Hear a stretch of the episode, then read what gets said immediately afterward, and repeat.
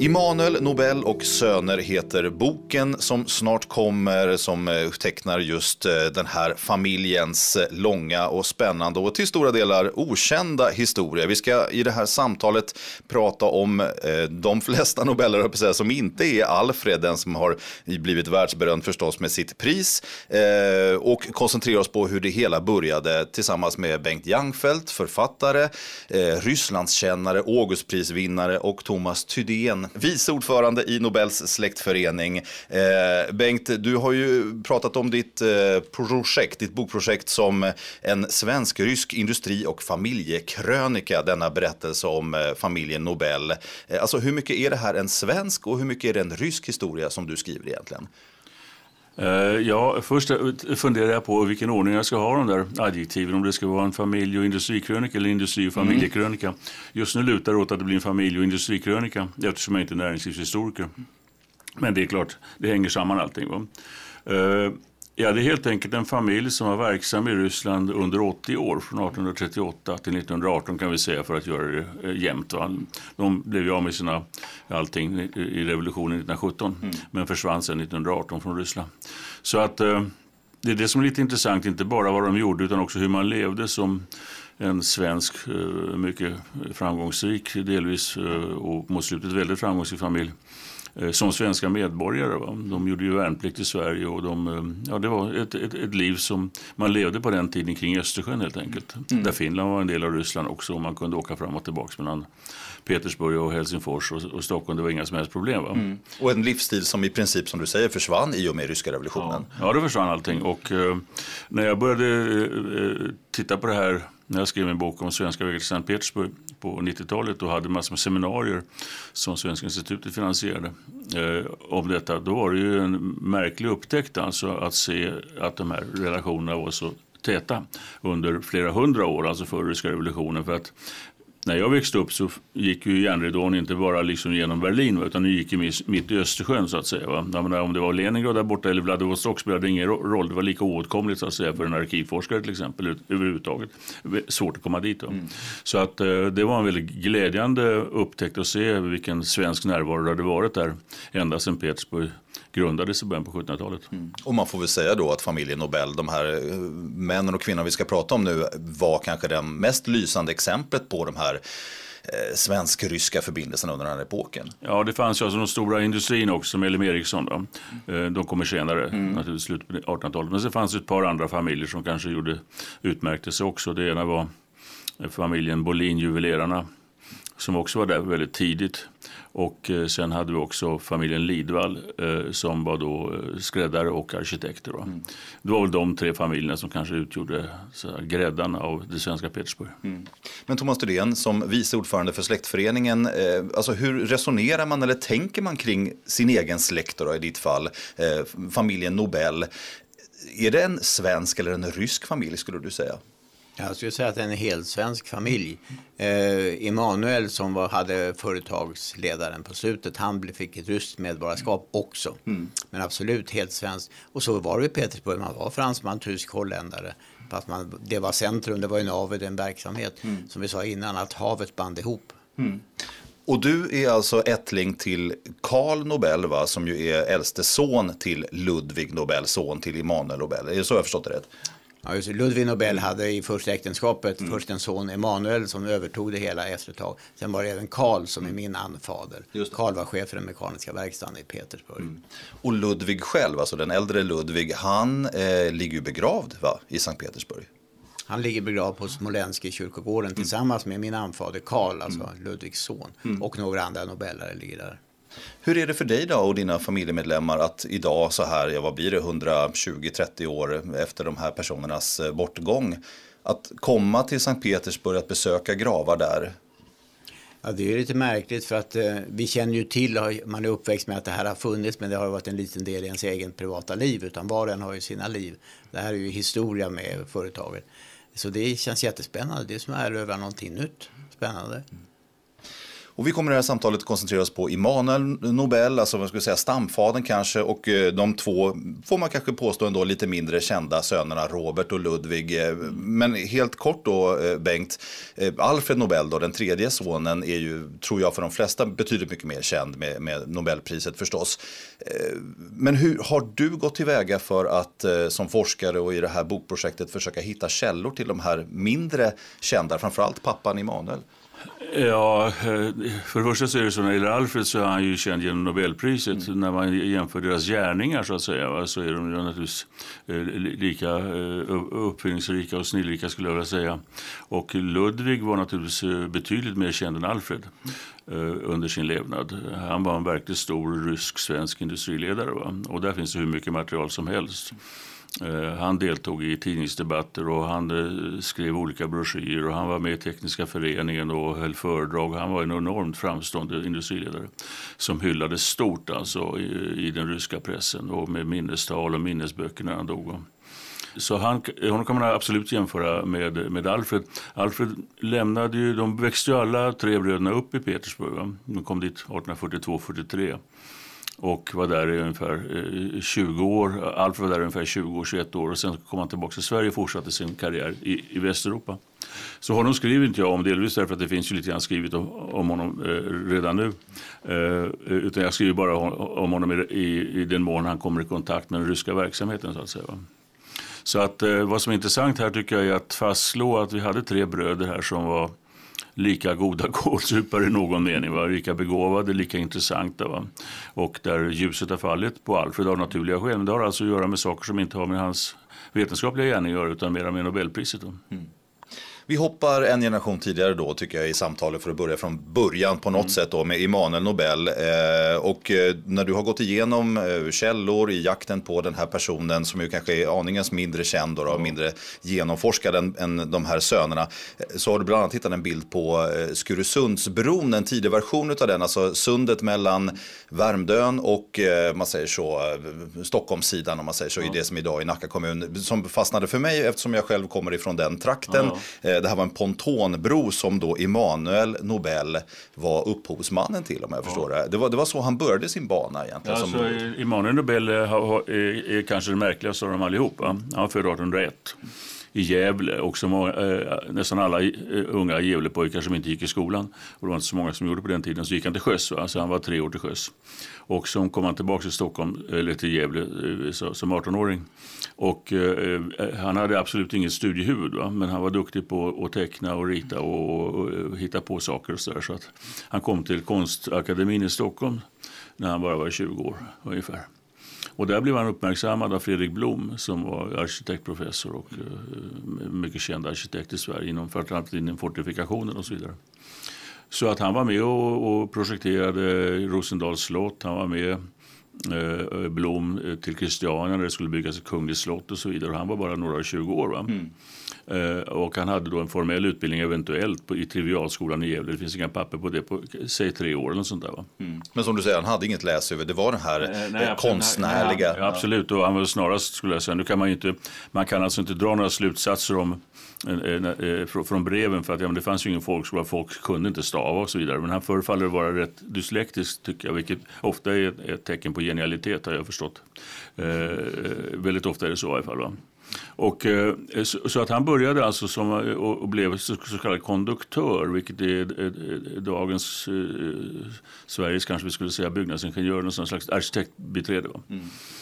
Och, och då gjorde han, projekterade han Skur, Skurubron eller Skurusundsbron kring 1830 ungefär. Mm. Men sen så slog han över mer och mer och blev uppfinnare. Han ritade också några hus, tullhuset i Roslagstull och så vidare och ett hus på Djurgården som fortfarande så kvar. Så att han hade många sådana, det var inga märkvärdiga saker så vitt jag förstår. Jag har talat med arkitekthistoriker. Det var liksom, ja det var bra hus och, så, så, och han var väldigt duktig akvarellist och tecknare. Du vet. Mm. Ja, den här bilden på pontonbron till exempel. Ja, modellerna finns ju, finns ju kvar nu på några hus. Mm. Men så slog han sig på upp, uppfinneriet. Då. Mm. Och ja, och de här uppfinningarna ju, verkar ju ja, ja, väldigt märkliga. Alltså, du pratar ju om en eh, gummisnodsmaskin, det finns en vattensäng, vattentät skokräm, halskragar för skumpiga eh, vagnsresor, det vi skulle ja. Säga bilnackkudden till sådana som ja, man på flygplan. Det, det, det, där eh, funderade han på. Ja, ja, nej, men han var väldigt, han var, han, han hade, eh, han, om man ska tala i bokstavsdiagnoser kanske han hade alla, hela alfabetet kan jag tänka mig, för att han var väldigt aktiv och hittade på saker hela tiden och, och låg hela tiden i framkant. Va? Han, han eh, grundade faktiskt Stockholms och Sveriges första kautschukfabrik 1835. Mm. Och där han föreslog att man skulle göra sådana produkter. Det blev inte så mycket av det här av mm. olika skäl. Men, eh, men han hade massor med grejer för sig. Och bland annat en sak som gjorde att han kom till Ryssland var ju det att han, han hittade på att man skulle göra ryggsäck eller ränslar som man kallar det. Va? Som skulle då gummeras på det här sättet. Och de här skulle vara jättebra för soldater och för, för sin torrskaffning, för krut och så vidare när de uh, var ute och, och, och, inte minst vadade i vatten och så vidare. Men sen om man om man fyllde de där renslarna med luft så kunde de bli pontoner och så kunde man bygga pontonbroar för arméer och sådana saker. Den här idén försökte han sälja till svenska armén men de gick inte på det. Men det där kom till ryssarnas kännedom. Precis, och det är egentligen familjen Nobels väg in ja, i Ryssland här. Alltså, ja. För svenskt militärs vidkommande då ett misslyckat uppfinnarprojekt som då ja. ryssarna snarare nappar på. Ja, precis. Och det, det, alltså, kombinationen var denna, va? att eh, eh på grund av eh, konkursen som hade kommit i, bland annat på grund av det här Skuresundsprojektet, då, Eh, Eh, så höll han på att hamna på gällstuga va? och var tvungen att sticka från Sverige. Och då hade ryssarna redan lagt ut sina, visat sin intresse för det här. Va? Då kom han via Finland där han stannade ett år i Åbo till Ryssland. Va? Och där sålde han de här ränslarna till den här idén till ryska armén. Va? Mm. Eh, men framförallt så hade han ju också hittat på en, en undervattensmina. Va? Alltså det var den första sjöminan som, i historien. Och den sålde han och fick ett oerhört mycket pengar för 25 000 silverrubel. Nu är det ointressant säga vad det betyder idag, men det var i alla fall, låt oss säga att det var 5-6 miljoner kronor ungefär, det är svårt att beräkna. Och, och han lämnade alltså Sverige julen 37, va? kom till Ryssland julen 38 efter att ha varit ett år i Finland. Fyra år senare då, alltså, eller, eller fem år efter att han lämnade Stockholm så tog han över familjen. Då. Mm. När han hade fått den här gratifikationen mm. från ryska armén. Då, så han mm. sålde den. Här. Och den där sjöminan var alltså väldigt den var inte speciellt effektiv visade det sig, va? men den hade väldigt, eh, eh, funkade som, i avskräckningssyfte så att under Krimkriget 53 55 som naturligtvis huvudsakligen utspelades nere vid Krim men där den engelska flottan låg och tryckte på Sveaborg och, mm. och Petersburg. Där, viken, ja. där lades alltså de här minorna ut. Mm. Och det finns alltså bekräftat av engelska officerare att det hade en mycket stor avskräckande effekt. Och poängen var inte att det i första hand skulle sänka fartygen utan bara skada dem och så att säga, få dem att stanna. Va? Thomas, eh, när vi hör om Immanuel här och ja, som Bengt beskriver att han hade kanske alla bokstäver i alfabetet när det gällde olika typer av ja, eh, komplicerade omständigheter i inlärningsprocesser och sådär. Eh, kanske dyslexi också. Är det här någonting du känner igen från familjesamtal eller liknande? Är det någonting som går i arv? Eh, nej, arvet är ju mindre och mindre ju fler generationer som kommer. Men jag känner igen innovatören. Och då är ju en del som Bengt berättar om, hans eh, fantastiska förmåga att hela tiden försöka, försöka, försöka och mm. gå på pumpen, gå på pumpen mm. och så går det någon gång och inte slås ner av detta. Mm. Och det andra som jag tycker var hans förmåga, det var networking, att skapa nätverk och träffa folk. Så när han kom till Petersburg så hörde han ju talas om att de behövde miner och då högg han på det direkt och sa jag kan hjälpa till, jag kan lösa det här åt er. Så det, det räcker inte med att vara en, en, en innovatör på det sättet man prövar saker, man måste också våga satsa, ta kontakter och det lyckades han med. Bengt, hur var det då för honom? Kan du försöka måla upp bilden när Emanuel kommer och som, som du säger snabbt tar över hela sin familj då till Sankt Petersburg. Hur var det att verka som svensk eller egentligen som vilken västerlänning eller utlänning som helst i tsarernas Ryssland där i mitten av 1800-talet? Ja, det började lätta lite grann, alltså, men nu kom han ju dit problemet var att alltså, han kom dit före 1861. 1861 så avskaffades livegenskapen. Dessförinnan så fanns det ingen arbetskraft. Ryssland kunde inte industrialiseras därför att mm. 52 miljoner människor var bundna till jorden va? som privata slavar eller kron, kronobönder. Va? Och, eh, och det började luckras upp, alltså det blev, blev lättare. Va? Men det står alltid exempel utlänningen Nobel, utlänningen Nobel, det dokument.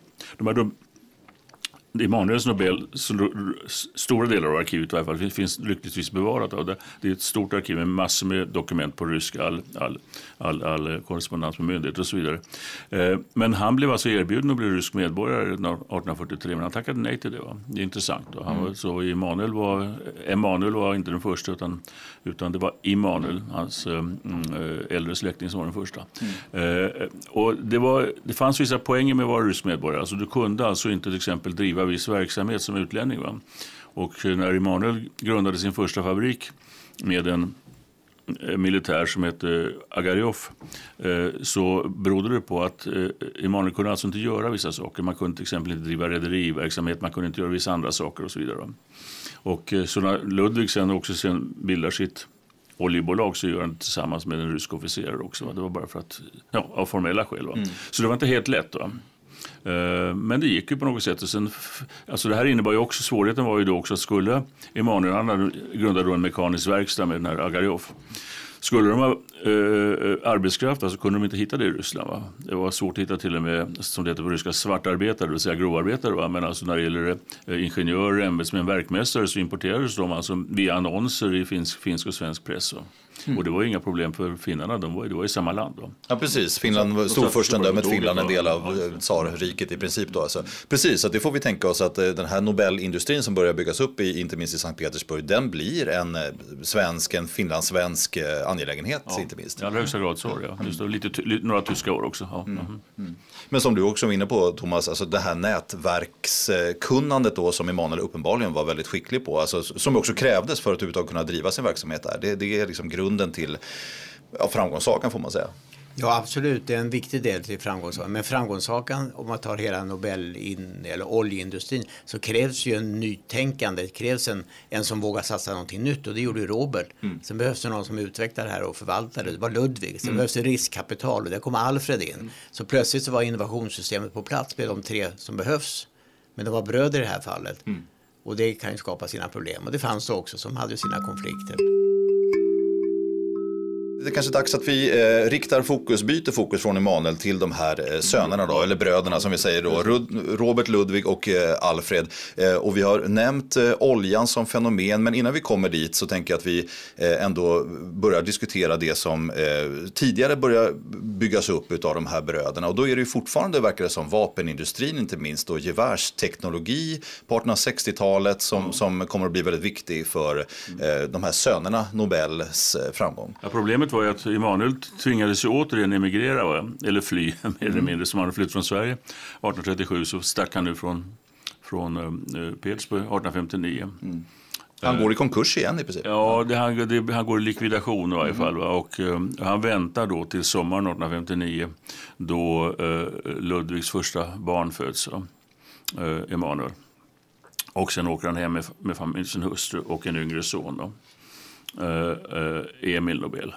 Eh, och då lämnar han kvar Alfred, Robert och Ludvig för att försöka städa upp och försöka på något sätt hantera den här likvidationen. Va? Och det där, det, det där är de, eh, man har alltid talat om att det var Ludvig som var så bra på det där men jag har hittat massor med brev om det här. Det visar sig att Ludvig var mycket duktig men alla var inblandade i det. Alfred jagade kunder och, och, och Robert lagade kunder. Och anledningen till att de hade gått i konkurs eller likvidation eh, var ju det att eh, alla de här beställningarna som den ryska staten hade lagt ut på Nobel va, blev inte aktuella längre eh, när Krimkriget var slut. Va? Och som så ofta i Ryssland så spelar det ingen roll om det finns några löften när man byter tsar. Så För den gamla tsaren Nikolaj den första dog så kom det en ny tsar. Då bryts alla kontrakt. Så att säga, mm. Och det gjorde att Emanuel hade tagit enorma lån va, för att finansiera utbyggnaden av fabriken mm. som blev jättestor. Så att, eh, och då hade han egentligen som modern svenska skulle heta kundfordringar kanske. Och de, de var liksom ingenting värda helt plötsligt. Ja, och det, det intressanta är Ludvig och de var ju rätt unga män vid det här laget. Va? De var inte ens 30 år gamla. Mm. Men Ludvig hade ett enormt gott rykte bland, bland sina kollegor i Petersburg. Så att han lyckades nå någon form av ja, uppgörelse där som, eh, som gjorde att han fick lite rubel över, men inte mycket. Va? Mm. Sen arrenderade han då en mekanisk verkstad på andra sidan den här eh, bifloden till, till Nevan snett över 100 meter därifrån ungefär. Och, eh, eh, som han sen byggde upp och som han köpte först 1870. Va? Och så från han arrenderade den på hösten 1862 så drev han den i åtta år och kunde till slut köpa ut den. Och det berodde som du sa på att han fick stora eh, militära beställningar. Mm. Ja, det, det, som höll på att bli i princip då en likvidation av hela familjeföretaget där, det blir istället starten till någonting nytt. Till den stora alltså maskinverkstaden Ludvig Nobel i, i Petersburg. Mm. Mm. Och eh, då åker Alfred hem för att han och pappan håller på att utveckla nitroglycerin va, och sen, som sen blir dynamit. Och då vill pappan ha hjälp eh, i Stockholm så Alfred åker därifrån 1863. Mm. Och Robert åker något senare eh, till, till Stockholm. Eh, och Ludvig är kvar och dör i Petersburg 1888. Va? Mm. Men den här vapenindustrin då, för det är ju inte minst det det handlar om och det är de här gevären. Eh, det, det som händer vid den här tiden i vapenteknologin är ju då att man har tidigare haft eh, mynningsladdare ja. Eh, och nu blir det bakladdare. Ja. Det blir helt enkelt mer effektiva gevär. Och för rysk del, tsar-rysk del, så, så är det förstås ganska många gevär som ska bytas ut. Ett, ja, ett vapenkontrakt som är, ja men precis, ja, ja, ett väldigt värdefullt kontrakt. Det var ju likadant i hela Europa, va? att man bytte ut mm. dem ungefär samtidigt i Sverige också. Uh, Hur kommer det sig att Nobellarna får det här kontraktet? Eller stora ja, delar alltså jag tror det beror på att uh, de hade verkligen byggt upp en, uh, de hade fått en kvalitetsstämpel. De visste också, alltså, visa av erfarenheten att är det någonting som kan garantera vår verksamhet i Ryssland Delvis därför att de är utlänningar va? och det var mycket intriger och mycket mutor och sådana saker. Va? Som idag. Så är det kvaliteten alltså. Och de byggde upp goda relationer med folk inom beslutande ställning inom olika artilleristyrelser och så vidare. Men så var det också så att en av de absolut ledande heter Karl August Andersköld som var en eh, finsk eh, fa familj. Och, eh, eh, han och Nobel hade mycket nära kontakt. Han hade till och med hjälpt pappa Nobel med lite pengar. Och, eh, med så kallade salogger som det heter på rysk-svenska. Det betyder alltså säkerhet i bank. Va? Mm. Ja, och, och, så vidare. Så han, han såg helt enkelt till detta. Han blev alltså chef för, eh, för hela det här eh, eh, ja, vapenindustrin i Ryssland. Va? Och han, de hade, det framgår av breven att de hade honom kan vi ha nytta av, skriver Robert i något brev. Och mycket riktigt så gick de här stora beställningarna till, mm. till dels till Nobellarna men också till släktingar till Standersköld. Mm. Och det gjorde att de blev jätterika allihopa. Mm. Eh, så där ligger, det är det bakgrunden till att, eh, och sen, men det gjorde inte bara gevär. Va? Det var inte bara det att de alltså dels gjorde om mynningsladdet till bakladdare, de byggde också den nya typen av gevär. Va? Men sen gjorde de också kanoner och kanonlavetter. Och, eh, så att var, de gjorde, gjorde, väldigt mycket. Va? Mm. Och eh, de hade ju väldigt skickliga ingenjörer naturligtvis, också några skickliga ryska ingenjörer också. Mm. För det handlar till exempel om att hitta rätt träslag till gevärskolvar och ja, sånt där. Alltså alla delar av ja, tillverkningen. Det var, ju, alltså, det var ju så att vid den här tiden va? Mm Eh, framförallt efter det tysk-franska kriget 1870-71 så förstod man att det gäller att ha en inhemsk industri. Vi känner igen det här från, från idag också. Alltså det växlar hela tiden i Ryssland mellan att man har goda relationer till väst och importerar och så plötsligt förstår man att man måste vara självförsörjande. Mm.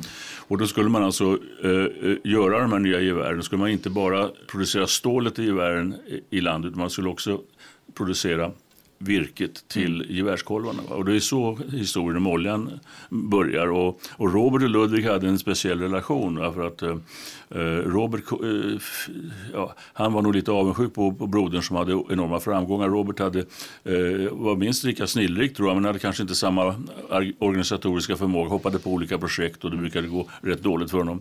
Men han fick då i uppdrag av, av Ludvig att så, som, det, så, som egen köpman som Ludvig skriver, alltså inte som en del av Ludvigs företag, ta hand om den här gevärskolvproduktionen. Och då kommer han ner till Kaukasus där valnötsträden växer. Det måste vara tillräckligt hårt virke. Mm. Och där upptäcker han då att det, det, skogarna som är statliga är så misskötta. Va? Så det finns inte tillräckligt bra virke, mycket bra virke av tillräckligt prima kvalitet. Va? Då är det bättre att importera det från Persien och göra lite förtjänst på det viset. För det finns ingen förtjänst att göra om man ska använda det här virket. Men det går ju inte eftersom man inte får tillverka det till Persien utan måste göra det i Ryssland. Mm. Så han släpper det här projektet och efterhand så börjar man göra gevärskolvar i björk istället i Ryssland. Men det, när han kommer dit ner till, till Kaukasus, Trans, Transkaukasien, alltså nere mm. i eh, Kaspiska havet, då har oljeboomen just kommit igång. Va? För tre månader före så har alltså det statliga monopolet upphört på olja och man har auktionerat ut mm. jordlotter. Va? Mm. Och då grips han av den här oljefebern och the rest is history. Mm. Eh, Thomas eh, Thyrén, alltså, vi pratar ju omväxlande om de här bröderna som eh, snillrika men också som framgångsrika entreprenörer. Alltså, hur skulle du vilja beskriva dem och är det någon skillnad i karaktärerna som du ser det mellan Robert och Ludvig och Alfred? Här? Vem är vad, snillrik eller entreprenör? Jag tror man kan vara snillrik på många olika sätt. Mm. Eh, Robert visar verkligen snillrikhet att hoppa på olika saker och pröva precis som hans pappa gå på pumpen, misslyckas men fortsätter och fortsätter och fortsätter. Ludvig är den mer trygga förvaltaren som bygger upp långsiktigt. Eh, och eh, den andra brorsan Alfred, han kunde bidra med pengar och låna ut. De hade lite olika roller och alla behövdes. Ja men precis, det låter ju som en, en fantastisk kombination. Annars kan det ju finnas syskonskap som är betydligt mer konfliktfyllda. Men de här har uppenbarligen väldigt stor nytta av varandra. Ja men de, de utgör ett innovationssystem tillsammans. Ja. Men så i den medverkan i ett sådant innovationssystem så blir det slitningar för man har ju olika roller. Och det händer ju mellan bröderna också. Mm. Så det, det, finns med hela tiden i historien om dem. Att mm, det händer saker, slitningar och de samsas igen. Och de har som grunden och den gemensamma faktorn är deras mamma som lever fortfarande i Stockholm. Som lyckas vara en förenande hon, kraft. Hon, hon blir 86 år, va? så att hon lever väldigt länge. Alltså hon dör inte förrän 1889. Mm. Och det är en sak som är intressant med de här bröderna. Det, det måste, får man inte glömma bort. De lever ju hela tiden långt ifrån varandra. Va? Mm. Alfred är ute och snurrar i Europa och Amerika hela tiden. Va? Ludvig i Petersburg eh, och, och, Robert är väldigt mycket i Baku när han inte är ute och reser i Europa. Men de kommer alltid hem till mammans födelsedag den 13 september. Det är väldigt gulligt.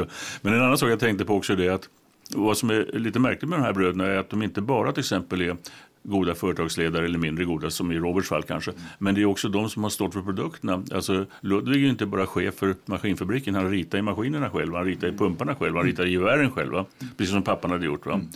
Robert är ju med och borrar själv och det intressanta med Robert i Baku är ju det att utan att vara utbildad kemist va? Men fast Alfred tyckte att han var en bra kemist ändå. Han eh, lyckades ju då destillera fram en renare fotogen. För det var det det var frågan om på den. Det var inte mm. bensin, det fanns inga bilar va? Nej, det är det man ska ha oljan till för att göra ja, lysfotogen. Det var smörjolja och ja. sådana saker. Och så ja. Men framförallt eh, eh, lys, lysolja. Mm. Och Robert lyckades då på egen hand alltså rena den här Bakuoljan till en grad så den kommer i nivå med den amerikanska. Va? Mm. Och, eh, och Alfred då är då inte bara den som uppfinner dynamiten utan också en framstående företagsledare. Det är intressant va? att mm. de är båda delarna. Så att säga. Mm. Det är både verkstadsgolv och liksom bank. Va? Ja. Man kan ju vara förstås väldigt, eller ska väl vara väldigt imponerad av det. Men samtidigt så känns det som att det skulle kunna finnas en baksida med den typen av företagsledare kanske. Att man är för mycket och petar inne i verksamheten. Ja. Samtidigt som man förstås har fullständig kontroll. Jag tror erfarenheten från Sverige var ju brukspatronerna som mm. fanns i hela Bergslagen. Och där tog man ju hand om, om folk från, från vaggan till graven. Mm. Och det fanns ett helhetstänkande och då var man inne och petade allting. Och eh, Nobelföretagen utmärkte sig på det viset att de gjorde från ax till limpa. Mm. Från den minsta lilla bulten till de stora sakerna. Allt mm. kunde produceras. Och så var mekaniska verkstäder mycket på den tiden. Mm. Och också det här sociala engagemanget som du är inne på vad det gäller just eh, bruksorter och sådär. Det tycks ju som att familjen Nobel var väldigt tidigt ute eh, när det handlar om vinstandelar och att få folk som jobbade i sina företag att ta del av eh, framgången. Alltså det, fanns, det är två saker som har slagit mig. Alltså den den ryska tekniska föreningen grundades 1866, eller Tekniska sällskapet kallas det ibland på svenska. Och det var alltså eh, eh, därför att det saknades en plattform i Ryssland där företrädare för vetenskap, industri eh, och myndigheter kunde träffas och diskutera. Och det var ju väldigt viktigt just i en sån här stat som den ryska som var så oerhört central och centralistisk. Och eh, eh, Ludvig var med som en av grundarna, men inte officiellt, för som utlänning kunde inte vara det. Va? Men det, det vet man alltså. Och jag, han skriver då, flera år tidigare, så skriver han en artikel om järnkontor till Sverige. Va? Så, och han berättar om fördelarna med järnkontor som också kan, där man kan få lån och sådana saker, att de här kontaktytorna finns. Så jag kan tänka mig att det svenska järnkontoret spelade en stor roll för bildandet av Tekniska föreningen 1866, där Ludvig blir, blir mycket aktiv. Eh, och det intressanta är då att Eh, han har den här idén också. Det här är, det här är ett komplicerat resonemang. För att det, uh, han har den idén att han ska kunna dela med sig av vinsten då, till sina anställda. Och då säger han tyvärr så rör inte arbetarna för de är, det är på en sån nivå så det funkar inte riktigt. Va? Men när det gäller tjänstemännen, ingenjörerna och så vidare så, så så delar han av nettovinsten. Alltså de får 40 procent av nettovinsten. Va? Vilket å ena sidan innebär då att då måste man ha öppna böcker så att de visar hur det ser ut, annars funkar det inte. Va? Eh, och det här är, skriven, det här är en dröm som jag har haft. Va? Och den här drömmen beror delvis på att han, han hade, att, att han hade vissa demokratiska impulser. Va?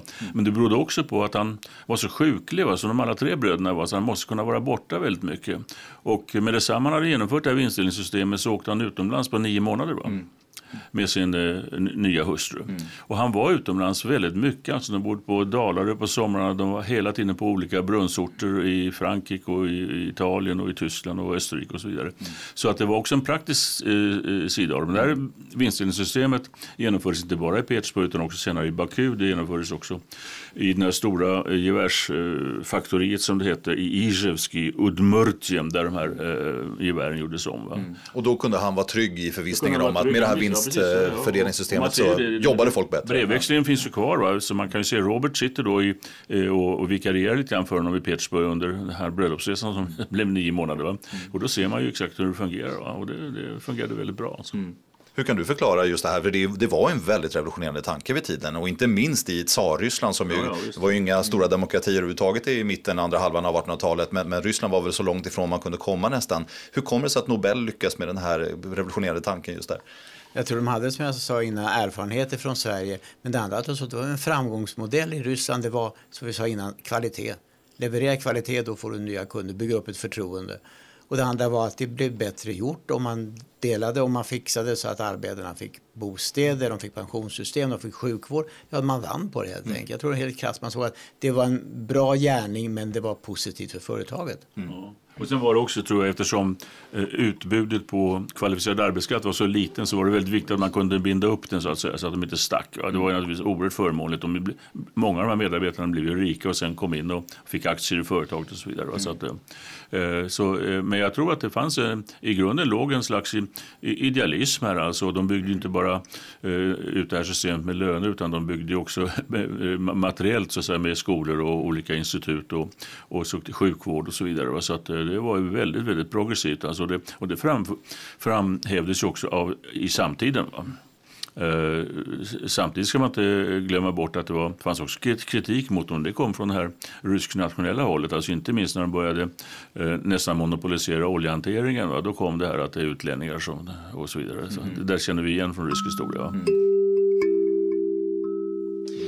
Vi flyttar över till oljan då och du Bengt var ju inne på detta med att det var egentligen eh, jakten efter bra valnötsträ som ledde då Robert Nobel ner till Kaukasus och det här området där, där svart vätska, eh, sörja, bubblade upp formligen då ur marken. Och det här var ju välkänt sedan länge men det var just vid den här tiden som oljan började släppas fri. Det blev möjligt att göra pengar på det här. Men eh, en olja som då, som du också är inne på, skulle i första hand då användas som eh, belysning. Mm. Och det får vi ju förstå också var fullständigt revolutionerande vid tiden också. Alltså en ja. värld som sen medeltiden hade präglats av facklor och, ja, ja. och stearinljus kanske. Här skulle det vara fotogenlampor.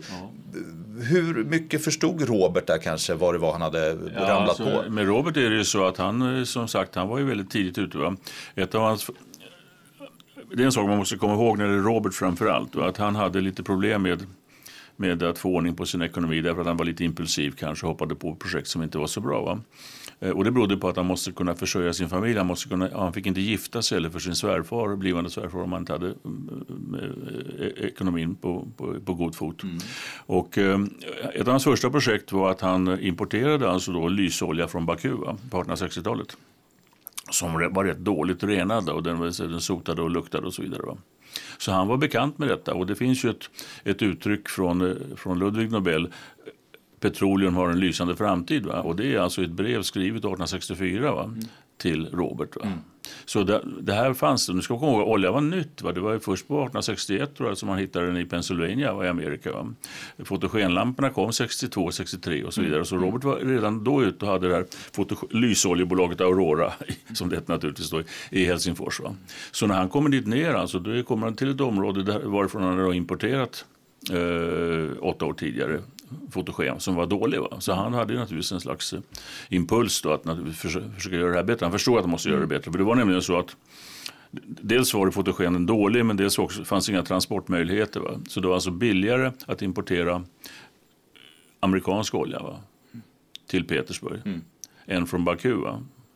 Som dessutom var sämre. Mm. Eller till Tbilisi som låg bara några, 20, 30, 40, 50 mil från mm. Baku. Va? Ja, man skopade upp oljan från marken, alltså på någon form av ja. dåliga behållare, kärror ja, ja, transporteras det med. Kärror, men det var en sak så att säga. Då, då de där läckte och de brann och så vidare. Men mm. sen så skulle man ju flotta ut det där på något sätt, forsla ut. Va? Och det, var, det såg också Robert väldigt tidigt. Och där måste jag ju säga att om jag har gjort någon lite revolutionerande upptäckt här så är det väl kanske detta att Robert spelade en oerhört mycket större roll för de här innovationerna oljeleverantörsfonderna som sen Ludvig var med och finansierade och som och Ludvig har fått hela förtjänsten för. Det stämmer inte alltså. Mm.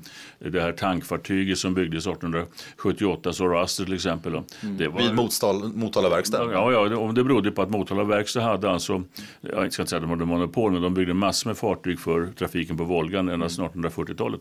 Så det var inte så konstigt att de gjorde det där. Och så, de, man kunde inte bygga helt enkelt, det fanns inga, inga sådana varv. Va?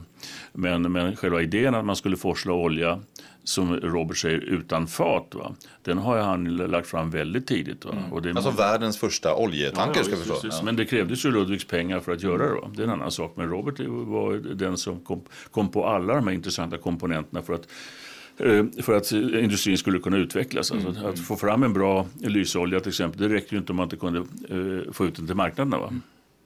Och så behöver man pipelines var väl också en idé som började spira där? Ja, men det, den spirade, den kom från Amerika där man hade byggt pipelines och där det inte fanns några som helst byråkratiska problem. I Ryssland var ju problemet att det skulle dras över statlig mark och så vidare. Och där krävdes det faktiskt att Ludvig då trädde in i Petersburg och talade med myndigheterna där för att den skulle få tillstånd till detta. Mm, och mm. Eh, det är klart att kunde man liksom med det med, eh, med hjälp av en sån här 450 liters tunna eh, forslad med åsna eller kamel va, föra ner ett mycket begränsat antal olja från fälten ner till raffinaderierna som låg en mil därifrån. Va, mm. Så kunde du forsla ner hur mycket som helst i en sån här pipeline och det innebar att raffinaderiet räckte ju inte till för de kunde inte ta emot oljan. Va. De kunde inte liksom, måste bygga reservoarer. Sen skulle de liksom eh, destillera det till fotogen. De måste bygga ut fabriken. Så det blev en jädra fart på detta. Va? Mm. Men detsamma när pipelinen kom, kom igång då på sommaren 1878. Mm.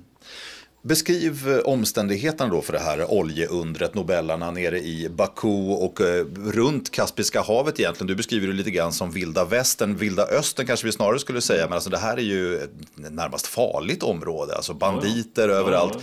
Hur, hur, hur, anpassar sig man säger så, Nobelbröderna, som ju då har vana från att ha bott i, i Sankt Petersburg, eh, tsarernas stolta eh, stad vid Finska viken, palats och tinnar och torn, och så kommer man ner dit till Kaspiska Kaspiska havet. Hur, hur är omställningen? Ja, det där var ju inte när, när Thomas och jag var nere här i, i de här trakterna för några månader sedan så fick vi se ett väldigt intressant fotomaterial, eller hur? Och det som, som vi nu har digitaliserat. Va? Man förstår att det här var ju väldigt vilt. Va? Ja, det var ju eh, en, en oerhörd etnisk blandning av människor. Va? Tatar, perser, turkar, eh, svenskar, eh, eh, eh, ryssar, judar och allting. Va? Det fanns förmodligen ingen stad i det ryska imperiet som hade en så stor etnisk blandning. Va? Samtidigt fanns det till exempel inte en enda bank. Va? Det fanns inget banksystem. Va?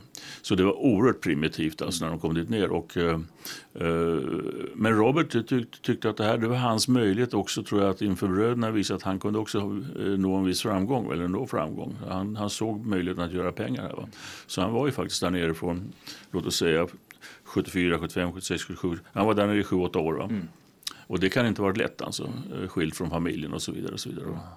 Och det var ju mm, så många andra problem som man påpekar i breven här också. När man, det fanns ju inga telefoner och skulle man fatta beslut, inte minst när Ludvig kom in på allvar i det här som finansiär huvudsakligen, så kunde man ju inte växla mer än eh, ett visst antal brev per år. Va? Och då skriver han det, du får förlåta mig om jag ibland fattar beslut dig ospord, säger han. Men det beror på att eh, vi kan ju bara uttrycka nio tankar per år som ja. Robert skriver. Och det tänker man inte på för man ser det i skrift, det är intressant, det är ju så. Inga mejl förstås på den tiden. Det fanns ingenting nej. va. Hon skulle så transporteras hela vägen Volga. Jag nog liksom att, att Roberts eh, gärning att överhuvudtaget vara där nere är rätt heroisk alltså, under de här åren. Va? Mm. Och du följde med som, som Bengt berättar, eh, Thomas, på de här resorna och jakten på nytt arkivmaterial, inte minst bildmaterial. Då. Hur är det att resa i de här områdena idag och liksom söka efter Nobels eh, spår? Det är ju jättespännande. Jag var där första gången 2006 och eh, minnet av Nobel är väldigt levande i de här länderna. Eh, de vet mycket mer, kände sig då, än vi själva gjorde. Så det var att återuppväcka någonting gammalt och det var jättespännande. Det är ett väldigt stort intresse för Nobelföretagen i Azerbajdzjan och i Georgien. Förstås kopplat till att Nobelpriset har gjort att namnet är känt, men de är intresserade. Det är deras egen historia. De vill mm, återerövra sin historia. Mm. Ja, det är väldigt viktigt att påpeka, alltså, i och med att det numera är egna länder så att säga, så håller de på att bygga upp en, en nationsstat så att säga. Va? Och då är Nobel en väldigt viktig del. Och de känner, för att det var ju precis tvärtom på Sovjettiden fick man inte nämna namnet Nobel överhuvudtaget. Va? Och nu är det också i Petersburg naturligtvis helt annorlunda. Men, mm. men i de här mindre länderna som Azerbajdzjan och, och Georgien så är det väldigt stort. Alltså. För det ses också lite grann som ett, just det här att en del av nationsbyggandet. Va? Att vi var verkligen tog emot dem och här kunde de göra pengar och vara framgångsrika och byggde ut järnvägar och oljeindustri och så vidare. Mm. Ja, men alltså, hur pratar man om, om Nobellarna då, i de här länderna, Azerbajdzjan eh, inte minst?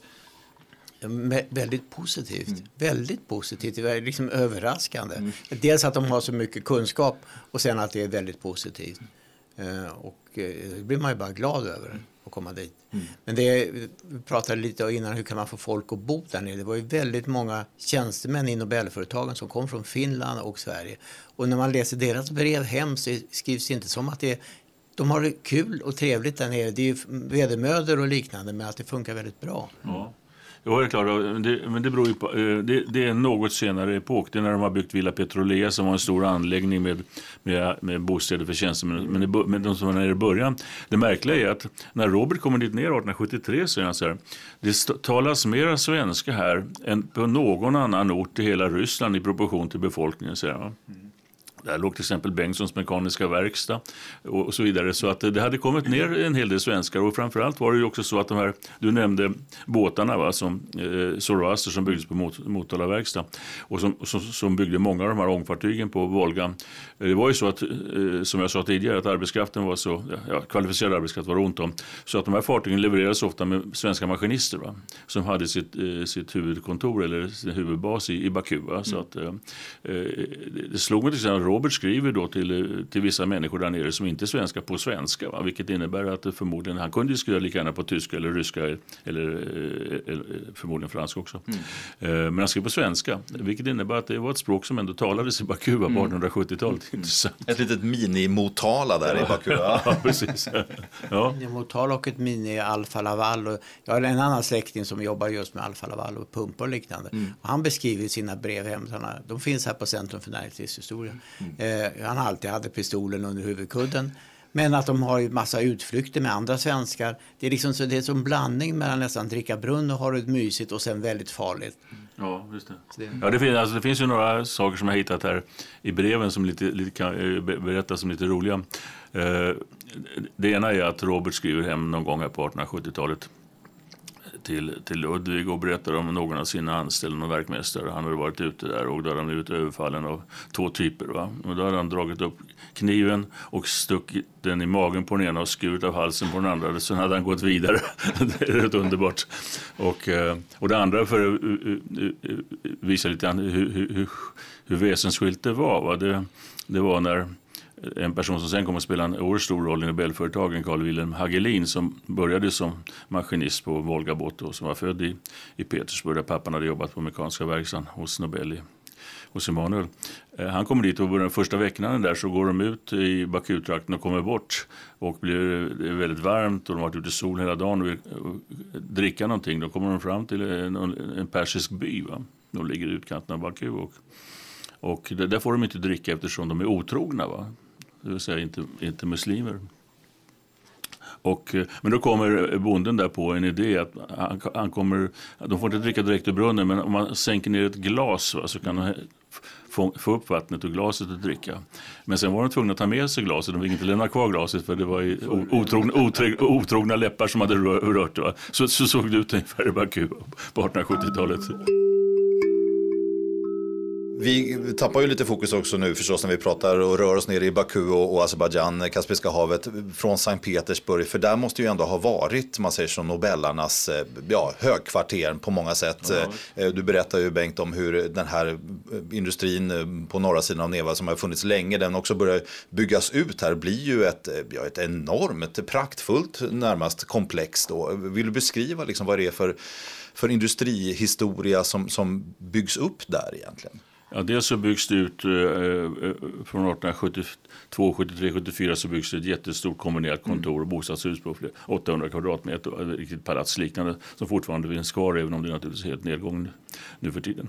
Sen kommer det till vissa viktiga saker här. Alltså dels är det ju det att eh, de får det ryska patentet på dieselmotorn. Va?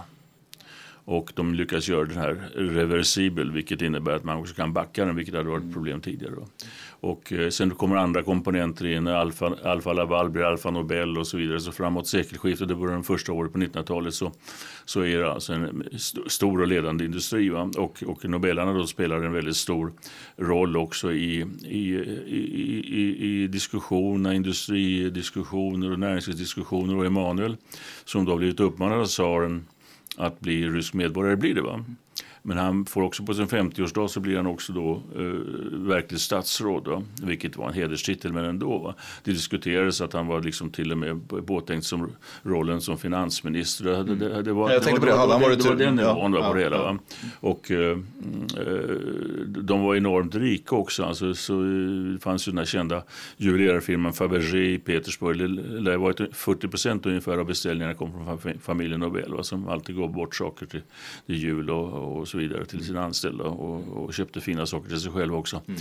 Så att eh, de eh, hade en mycket speciell roll och en sak som jag håller på att titta lite grann på, där jag inte fått fram så mycket material som jag hade hoppats, eh, det är att Emanuel var också med och, och han var ordförande i Industriförbundet och, och var med i, liberala partibildningar, alltså efter 1905 års revolution. Mm. Men där håller jag på att försöka gräva fram lite mer material, men det är en mm. sida som man inte har känt till tidigare. Mm det är ju en, en, glittrande historia verkligen den här, inte minst senare Nobelhistorien i Ryssland. Men, men, Thomas, när man lyssnar på det här, det är också lite sorgligt tycker jag. Jag vet inte hur det känns för dig att, att tänka att bara några år senare skulle det ju mesta, åtminstone det som rörde Nobel i Ryssland, det som skulle bli Sovjetunionen, försvinna helt och hållet. Alltså hur, hur tänker du kring det?